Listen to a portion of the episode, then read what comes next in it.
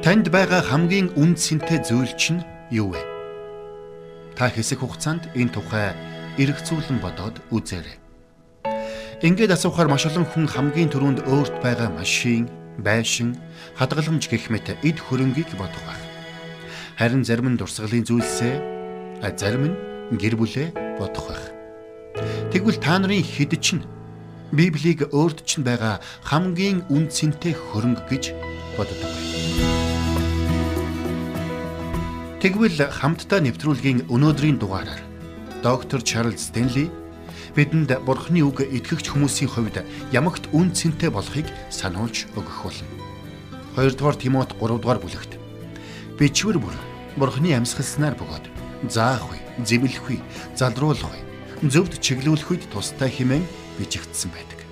Тиймээс Христэд итгэгч бидний хувьд Библи нь өөрсдийнхөө талаар болон итгэлийн амьдралын талаар үнэн мөнийг олж мэдэх цорын ганц найдвартай их сурвалж юм. Ингээд хамтдаа өнөөдөр Библиэд итгэх шалтгаан гэсэн сэдвээр суралцгаая.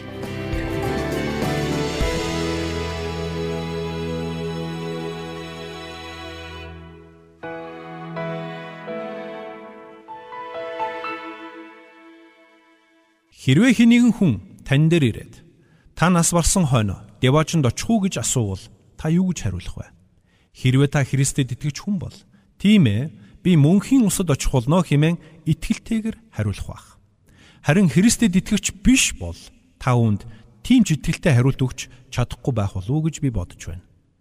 Хэрвээ та дээрх асуултад тийм ээ гэж хариулсан бол араас нь угсруулад тэр хүн За тэгвэл та үүнийг яаж мэдэж байгаа юм бэ гэж асуух нь гарцаагүй. Тэгвэл та энэ асуултад юу гэж хариулах вэ? Библиэд ингэж бичигдсэн учраас би мэдэж байна гэж хэлэх үү?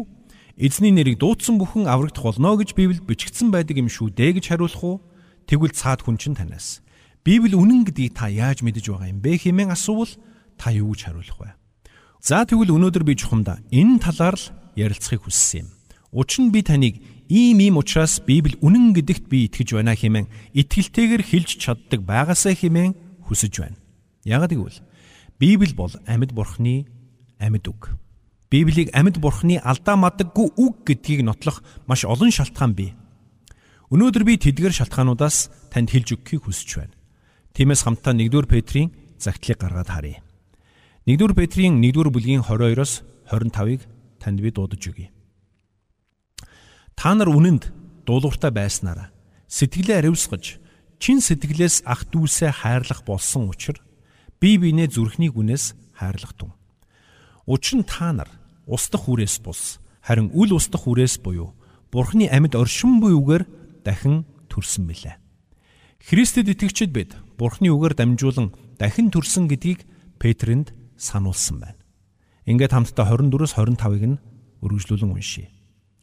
Учир нь бүх махбод болвоос өвс мэт бөгөөд бүхий л алдар нь өвс ногооны цэцэг мэт. Өвс хатдаг, цэцэг ганддаг. Харин эзний үг мөнхөд оршноо. Энэ нь та нарт тунхаглагдсан үгс муу юм аа гэсэн байна. Христэд итгэж бидний хувьд Библиэд итгэх ихний шалтгаан бол Есүс Христийн өөрийнх нь гэрчлэл юм. Ингээд хамтдаа Библийн хид хідэн ишлэл рүү аялцгаая. Ингэхдээ эзэн Есүс хуучин гэрээний талаар юу гэж өгүүлж байсан болохыг нь юуны өмнө харъя. Эхлээд хамтдаа Марк номын 7 дугаар бүлийг нээгээд энд эзэн Есүс фарисеучудад хандан ийхүү үгийг айлдсан байна. Марк номын 7 дугаар бүлгийн 6-аас 13-ыг уншийе. Есүс тэдэнд хоёр нүрт та нарын тухай Исая зөв иш үзүүлсэн бөгөөд үнийг ингэж бичсэн. Энэ ард түмэн намайг уруулаараа хүндэлдэг гэвч зүрх нь надаас алс хол байдаг. Тэд миний тушаалыг сургаал мэт зааж харин надад дэмий мөрөгдөг. Та нар бурхны тушаалыг орхигдуулан хүний ёс заншилд баригддаг гэв. Тэр мөн тэдэнд та нар ёс заншлаа сахихын тулд бурхны тушаалыг орхигдуулахдаа гарамгаа юм. Эцэг ихээ хүндэл эцэг ихээ харагч нь үхэх ёстой гэж Мөсө айлцсан шүү дээ. Харин та нар хүн эцэгтэй юм уу ихтэй танд хэрэг болох байсан зүйл маань корбан тэр нь бурханд өргөгдсөн гэсэн үг юм. гэж хэлээд та нар түүнд эцэг ихийнхээ төлөө юу ч хийхийг зөвшөөрдөггүй. Ингэж та нар уламжлан авсан ёс заншлаараа бурхны үгийг хөсөрдүүлдэг. үүнтэй адил олон зүйлийг та нар үйлддэг гэж хэлв гэсэн баг юм. За тэгэхээр саяын бидний унсан хэсгийн эхэнд эзэн Есүс иш үзүүлэгч Исаягийн бичиж үлдээсэн үгсийг Бурхны үг хэмээн хүлээн зөвшөөрсөн болохыг бид харж байна. Түүгээр зогсохгүй. Хуучин гэрэнд бичигдсэн Бурхны үгс болох хуулийг хөсөрдүүлж байна хэмээн фарисеучуудыг зэмлэн буруушаасан болохыг ч бид уншлаа. Өөрөөр хэлбэл эзэн Есүс өөрөө хуучин гэрээг Бурхны үг хэмээн хүлээн зөвшөөрж байсан эндээс илэрхий харагдаж байна. Цаашилбал хуучин гэрэнд Есүсийн амьдрал болон үхлийн талаар иш үзүүлсэн маш олон ишлүүд байсан болохыг ч Есүс өөрөө батлан хэлсэн байдаг. Тиймээс бидний хувьд Библи нь Бурхны үг мөн гэдэгт итгэх эхний шалтгаан бол Есүс Христийн гэрчлэл юм. Өөрөөр хэлбэл хуучин гэрээ буюу бичээст Есүсийн хандаж байсан хандлага нь бидэнд Библи нь буюу бичээс нь үнэхээр Бурхны үг мөн гэсэн баталгаа өгж байна. За тэгвэл Библи бол Бурхны үг мөн гэдэгт итгэх хоёр дахь чухал шалтгаан бол биелээ олсон иш үзүүлгүүд юм. Ингээд хамтдаа Исаигийн 7-гийн 14-ийг гаргаад харъя. Энд эзэн Есүсийг онгон бүсгүйгээс мэдлэх болно гэдгийг иш үзүүлэн хэлсэн байдаг. Хамтдаа Исаи номын 7 дугаар бүлгийн 14-ийг уншийе. Тиймээс эзэн өөрөө чамд нэгэн тэмдэг өгнө. Үзэгтэн. Нэгэн онгон бүсгүй хөл хүндтэй болж хүү төрүүлж түүнийгэ Имануэль гэж нэрлэнэ гэсэн байна. Үнэхээр хожим нь иш үзүүлэгч Ясаягаар дамжуулан айлтсан эдгээр үгс бүрэн биелээ олсон юм. Үргэлжлүүлээд хамтдаа Мика ном руу очицгоё. Хуучин гэрээний сүүлийн ном болох Малахайгаас хэдхэн ном урдхан Мика хэмээх жижигхэн ном байгаа. Энэ номонд иш үзүүлэгч Микагаар дамжуулаад Бурхан Есүс Христийн мэдлэх газрыг тов тодорхой айлцсан байдаг. Ингээд Мика номын 5:2-ыг харах юм бол Гэвч Эфратийн Бэтлехэмэ Юудагийн овгодын дунд чи өчүүхэн авч Надад Израилийг захирах нэг нь чамаас гарах болно. Тэр нь эртнээс хийгээд мөнхөөс үүдэлтэй юм а гэсэн байна. Хэрвээ бид үргэлжлүүлээ шин гэрэний Матай болон Лук номыг унших юм бол Есүс Христ үнэхээр Бэтлехэм хотод мэндэлсэн болох нь тов тодорхой бичигдсэн байдаг. Өөрөөр хэлбэл Мика номонд бичигдсэн иш үзүүлгүүд ч бас нэг бүрчлэн биелсэн байна. Хуучин гэрэнд мөн Есүс Христийг ертөнцийн нүглийг үүрэгч хург хэмээн иш үзүүлсэн байдаг. Уг нь Израильчууд хожим нь эрх Месаяг Ромын дарлалаас өөрсдийг нь чөлөөлөх агуу өдөрдөгч байх болно гэж бодож байсан юм. Гэвч үнэндээ тийм байгаагүй. Хэрвээ бид иш үзүүлэгч Исаягийн иш үзүүлгийг харах юм бол энэ нь маш тодорхой бичигдсэн байдаг. Иш үзүүлэгч Исая Есүс Христийг мэдлэхээс 740 гаруй жилийн өмнө түүний тухай иш үзүүлсэн байдаг юм. Ингээд Исая номын 55 дугаар бүлгийн 4-ийг гаргаад харъя. Үнэхээр тэр бидний сулдраа байдлыг тээж өвчин зовлон маань үрчээ. Гэтэл бид түүнийг бурханд зодуулж, цохиулж, зовсон гэж л тооцжээ. Хэн Есүс Христийг загалмайд цовдлсон бilé? Хэдийгээр ромчууд түүнийг цовдлсон боловч түүнийг загалмай үхэл рүү илгээсэн нэгэн бол түүний бурхан эцэг нь өөрөө байсан юм. Цааш нь үргэлжлүүлээд 5-аас 6 дугаар ишлэгийг унших юм бол гівч гимт үйлдэлийн маань улмаас тэр хатгагдан хилэнцсийн маань улмаас тэр бяцарч аваа. Амар тайвны маань төлөө түүн дээр гисгээл байж шархаар нь бид эдгэрчээ. Бүгдээрээ бид хонь мэд төөрч бүгд л өөр өөрийн замаар явв. Бүгдийн маань хилэнцсийг харин түүнд эзэн тохов гэсэн байна. Хуучин гэрээний энэ хэсэгт Есүс Христийг зовлон эдлэх болно гэдгийг тодорхой өгүүлсэн байна. Үнэхээр энд иш үзүүлсэнчлэн Есүс Христ та бидний гимнүглийн төлөө загалмай дээр амиа өгсөн юм. Хамтдаа үргэлжлүүлээд Иремай номын 25 дугаар бүлэг рүү очицгоё. Энд иш үзүүлэгч Иремия Израильчуудад тохиолдох нэгэн үйл явдлыг иш үзүүлсэн байдаг юм. Израильчууд бурхан эзнээсээ нүүр бууруулж, бурхан эзнийхээ хуулийг олон 10 жилийн туршид зөрчиж, хөсөрдүүлсэн байсан. Тэд хиймэл шүтэнүүдийг шүтэж, бурхан эзнээ умартсан байсан. Тиймээс Иремягийн 25 дугаар бүлэгт тэдэнд юу тохиолдохыг Иремя иш үзүүлэн инхүү өгүүлсэн байна. Хамтдаа Иремя номын 25 дугаар бүлийн 3-аас эхлэн уншицгаая. Юудагийн хаан Амоны хүү Йосагийн 13 дугаар оноос ахуулан энэ өдрийг хүртэл харин 23 жилийн туршид эзний үг надад ирсэн бөгөөд би та нарт дахин дахин ярьсан боловч та нар сонссонгүй. Эзэн иш үзүүлэгчд болох бүх зарцаа та нар руу дахин дахин илгээсэн боловч та нар сонссончгүй, сонсох гэж чихээ тавьсанчгүй. Харин 6-аас 11 дэх эшлэгийг харах юм бол өөр бурхадад үйлчлэн мөрөгхийн тулд тэдний араас бүү яв. Гарынхаа бүтээлээр өөрийг минь бүүхүрэг. Тэгвэл би та нарт ямар ч хор хөнөөл учруулахгүй гэсэн. Гэтэл та нар намайг сонсоогүй. Өөрсөд гай болохын тулд бас гарын бүтээлээр намайг уурлуулж хилэгнүүлэхийн тулд байваа гэж эзэн тунхаглаж байна. Тиймээс төг төмдийн эзэн ингэж айлдаж байна.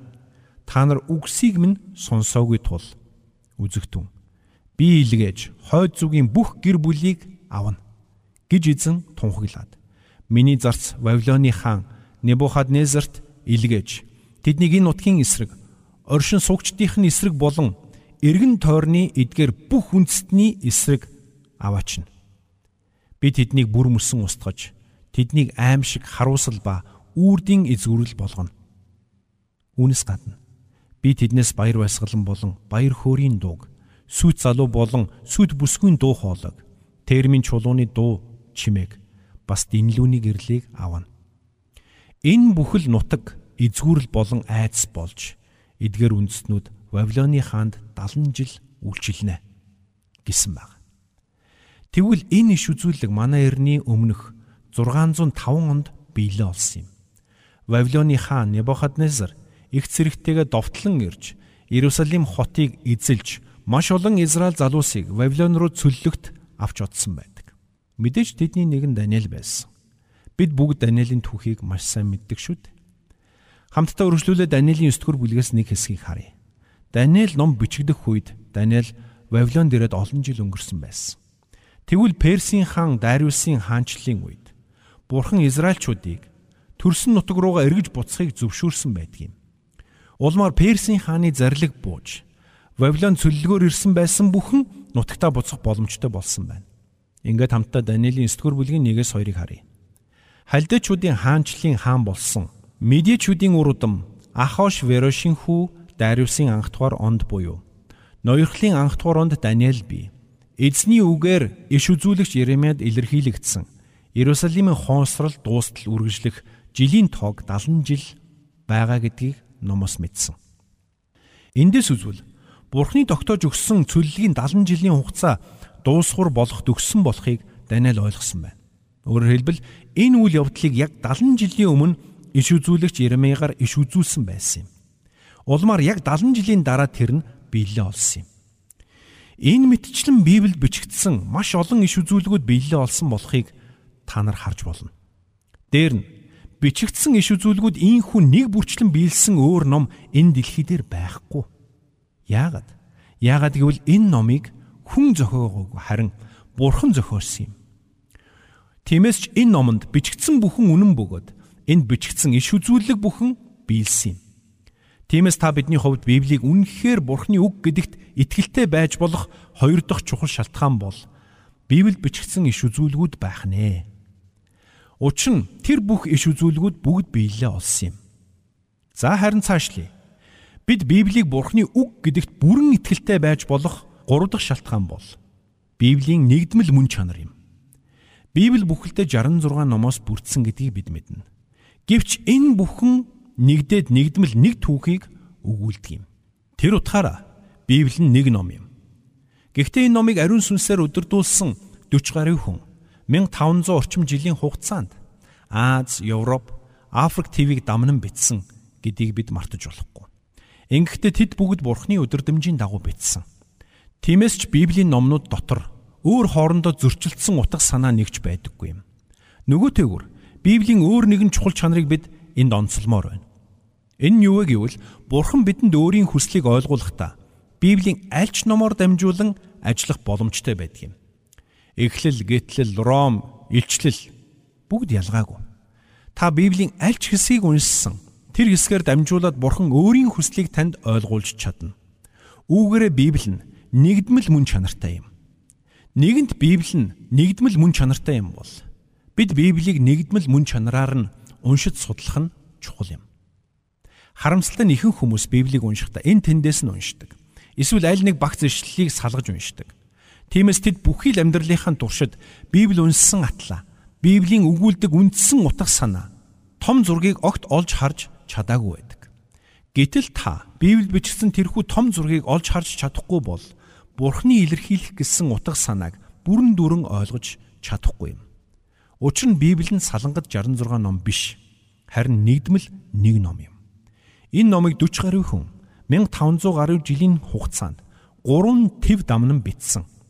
Энэ гайхамшигтай ном бол Бурхан бидэнд өөрийгөө илчилж өгсөн илчлэлт юм. Энэ номоор дамжуулаад Бурхан хүндрэлтнийг хайрлсан агуу хайр бидэнд илчилж өгсөн юм.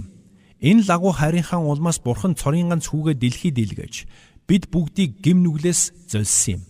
Тэгвэл золилт гэдэг нь юу гэсэн утгатай үг юм бэ? Золилт гэдэг нь тухайн үед хин нэгэн хүнийг эрх чөлөөтэй болгон худалдаж авна гэсэн утгатай үг байсан юм. Өөрөөр хэлбэл Бурхан хүн төрлөختний гим нүглийнх нь боолчлолоос хүлээснээс чөлөөлж Бурхны охид хөвгүүд болгон худалдаж авсан гэсэн үг юм. За тэгвэл энэ цагт би Библи дэх зураглалыг илүү цогцоор нь олж харахад чинь туслахын тулд Библи бичгдсэн түүхийг нэгтгэн товчхон тайлбарлаж өгөхийг хүсэж байна. Та анхаарлаа сонсоорой.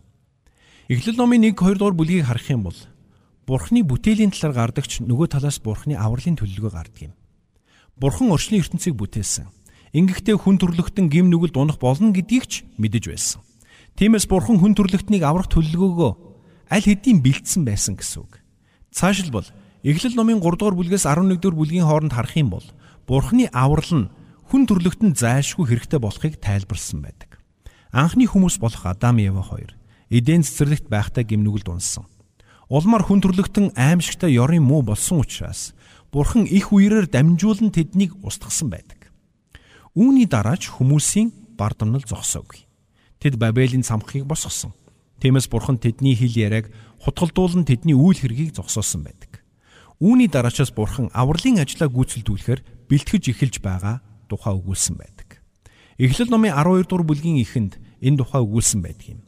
Бурхан Авраам хэмээх нэгэн хүнийг сонгож түүгээр дамжуулан агуу төлөлгөөгөө гүйцэлдүүлэхээр урдаас тогтоосон юм. Авраамаас хүү Исаак нь төрсөн бол Исаакийн хүү Яаков нь 12 хүүтэй байсан. Тэр 12 хүүгийнх нь нэг нь Юда байсан юм. Хожим нь Юдагийн овгоос Бурхны амлсан Месая мэнэлсэн юм. Ийхүү хуучин гэрээний туршид Бурхан өөрийн авралын төлөлгөөг гүйцэлдүүлэхээр бэлдсэн байсан. Бурхан Адамын удмаас Израиль үндэстнийг бий болгосон. Израиль үндэст нь цорын ганц амьд Бурханыг гэрчилж түүний нэрийг алдаршуулах учиртай байсан юм. Хамгийн гол нь Израиль үндэстнээс Бурхны сонгосон аврагч Месая мэдлэх ёстой байсан юм. Бурхан үүнийг эдийн цэцэрлэгт Адам Ева хоёрт гим нүгэлд унссан үед нь аль хэдийн урдаас айлцсан байсан. Хожим нь сатан Бурхны илгээх аврагч Месаягийн өсхийг бяцалж харин хожим ирэх Месая сатаны толгойг бяцлах болно гэдгийг Бурхан урдаас айлцсан байсан.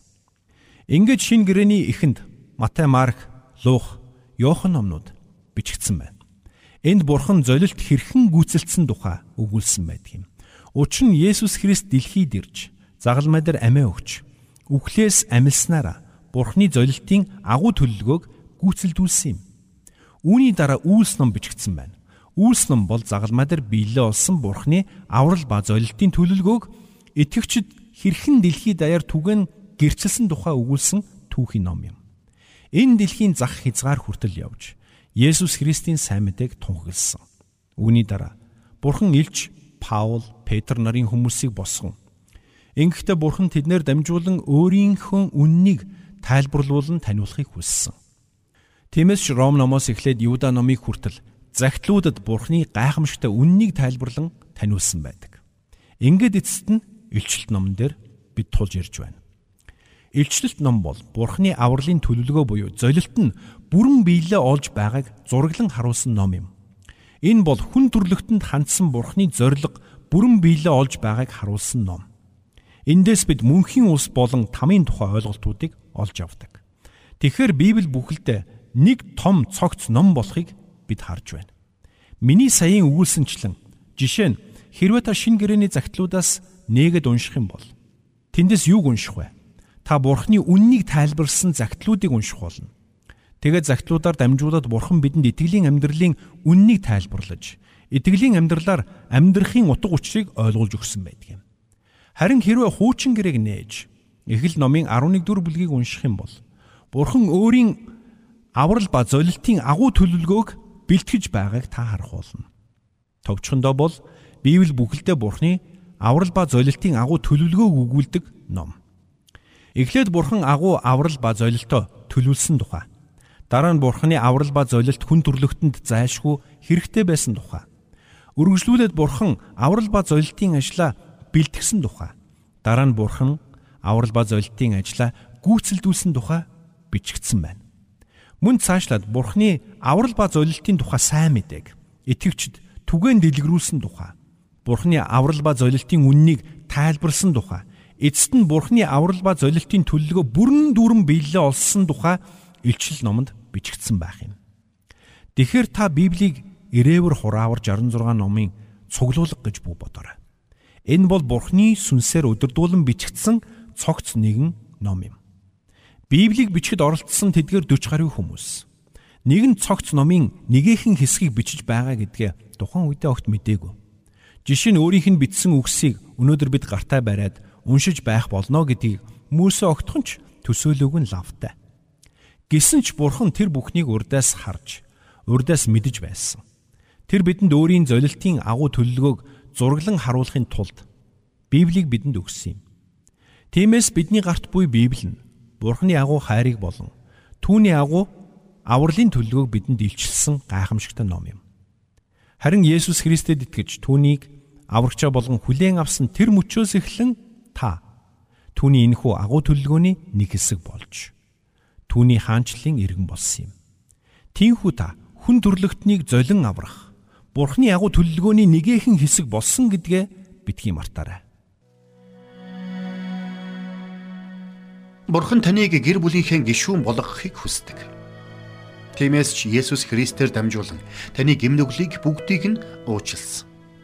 Тиймээс хэрвээ таны өмнөөс цусаа урсгаж таны бүх гимнүглийг уучлуулсан Есүс Христийг та аврагч эзнээ болгон хүлээж авах юм бол тэр мөчид та Бурханы хаанчлалын иргэн болох болно.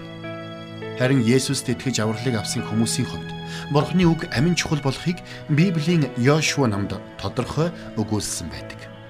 Йошуа 1:6-аас 9-д Бурхан Йошуад ийхүү тушаасан байна. Тууштай бөгөөд зоригтой бай. Өвөг дээдэст нөхөр миний андгайлсан газар нутгийг чи энэ ард түмэнд өвлүүлэн эзэмшүүлнэ. Гагцхүү тууштай бөгөөд чин зоригтой бай. Миний зарц Мосегийн чамд тушаасан бүх хуулийг сахин биелүүл. Үүнээс баруун тийшч зүүн тийшч бүү хазаа. Тэгвэл чи хаа явсан газараа амжилт олно. Хуулийн энэ номыг амнаасаа салгалгүй байж өдөр шөнөгүй үүнийг бясалган үүн дотор бичигдсэн бүхнийг сахин биелүүл. Тэгвэл чиний зам өөдөлж чи амжилтад хүрэх болно. Би чамд тушаасан босоо. Тууштай бөгөөд зоригтой бай. Бүү цочирд. Бүү шантар. Хаа явсан газарт чинь чиний бурхан эзэн чамтай хамт байх болно гэв. Амен.